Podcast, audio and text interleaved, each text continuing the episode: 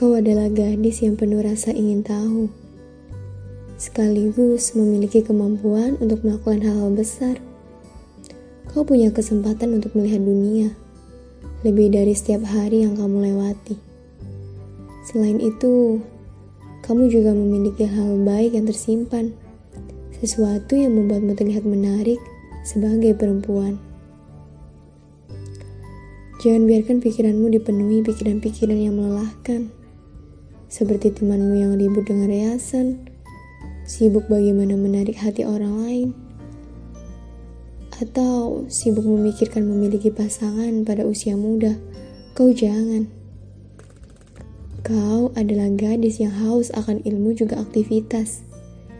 Itu menjadikanmu cemerlang, bersinar, karena kau menyibukkan dirimu di ruang-ruang kebermanfaatan yang jarang terisi. Dan itu membuatmu amat mudah dikenali, bukan? Kau adalah gadis yang cemerlang.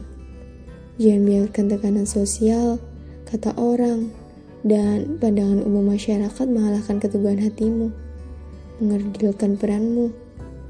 Juga jangan takut untuk menjadi seseorang yang lebih yang kata orang-orang nanti tidak ada laki-laki yang mau denganmu.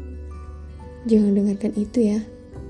Dengarlah bahwa itu tidak ada hubungannya sama sekali. Kau adalah gadis yang cerdas. Kau mampu membuat rumusan hidupmu sendiri. Mampu menyesuaikan dirimu dengan keadaan.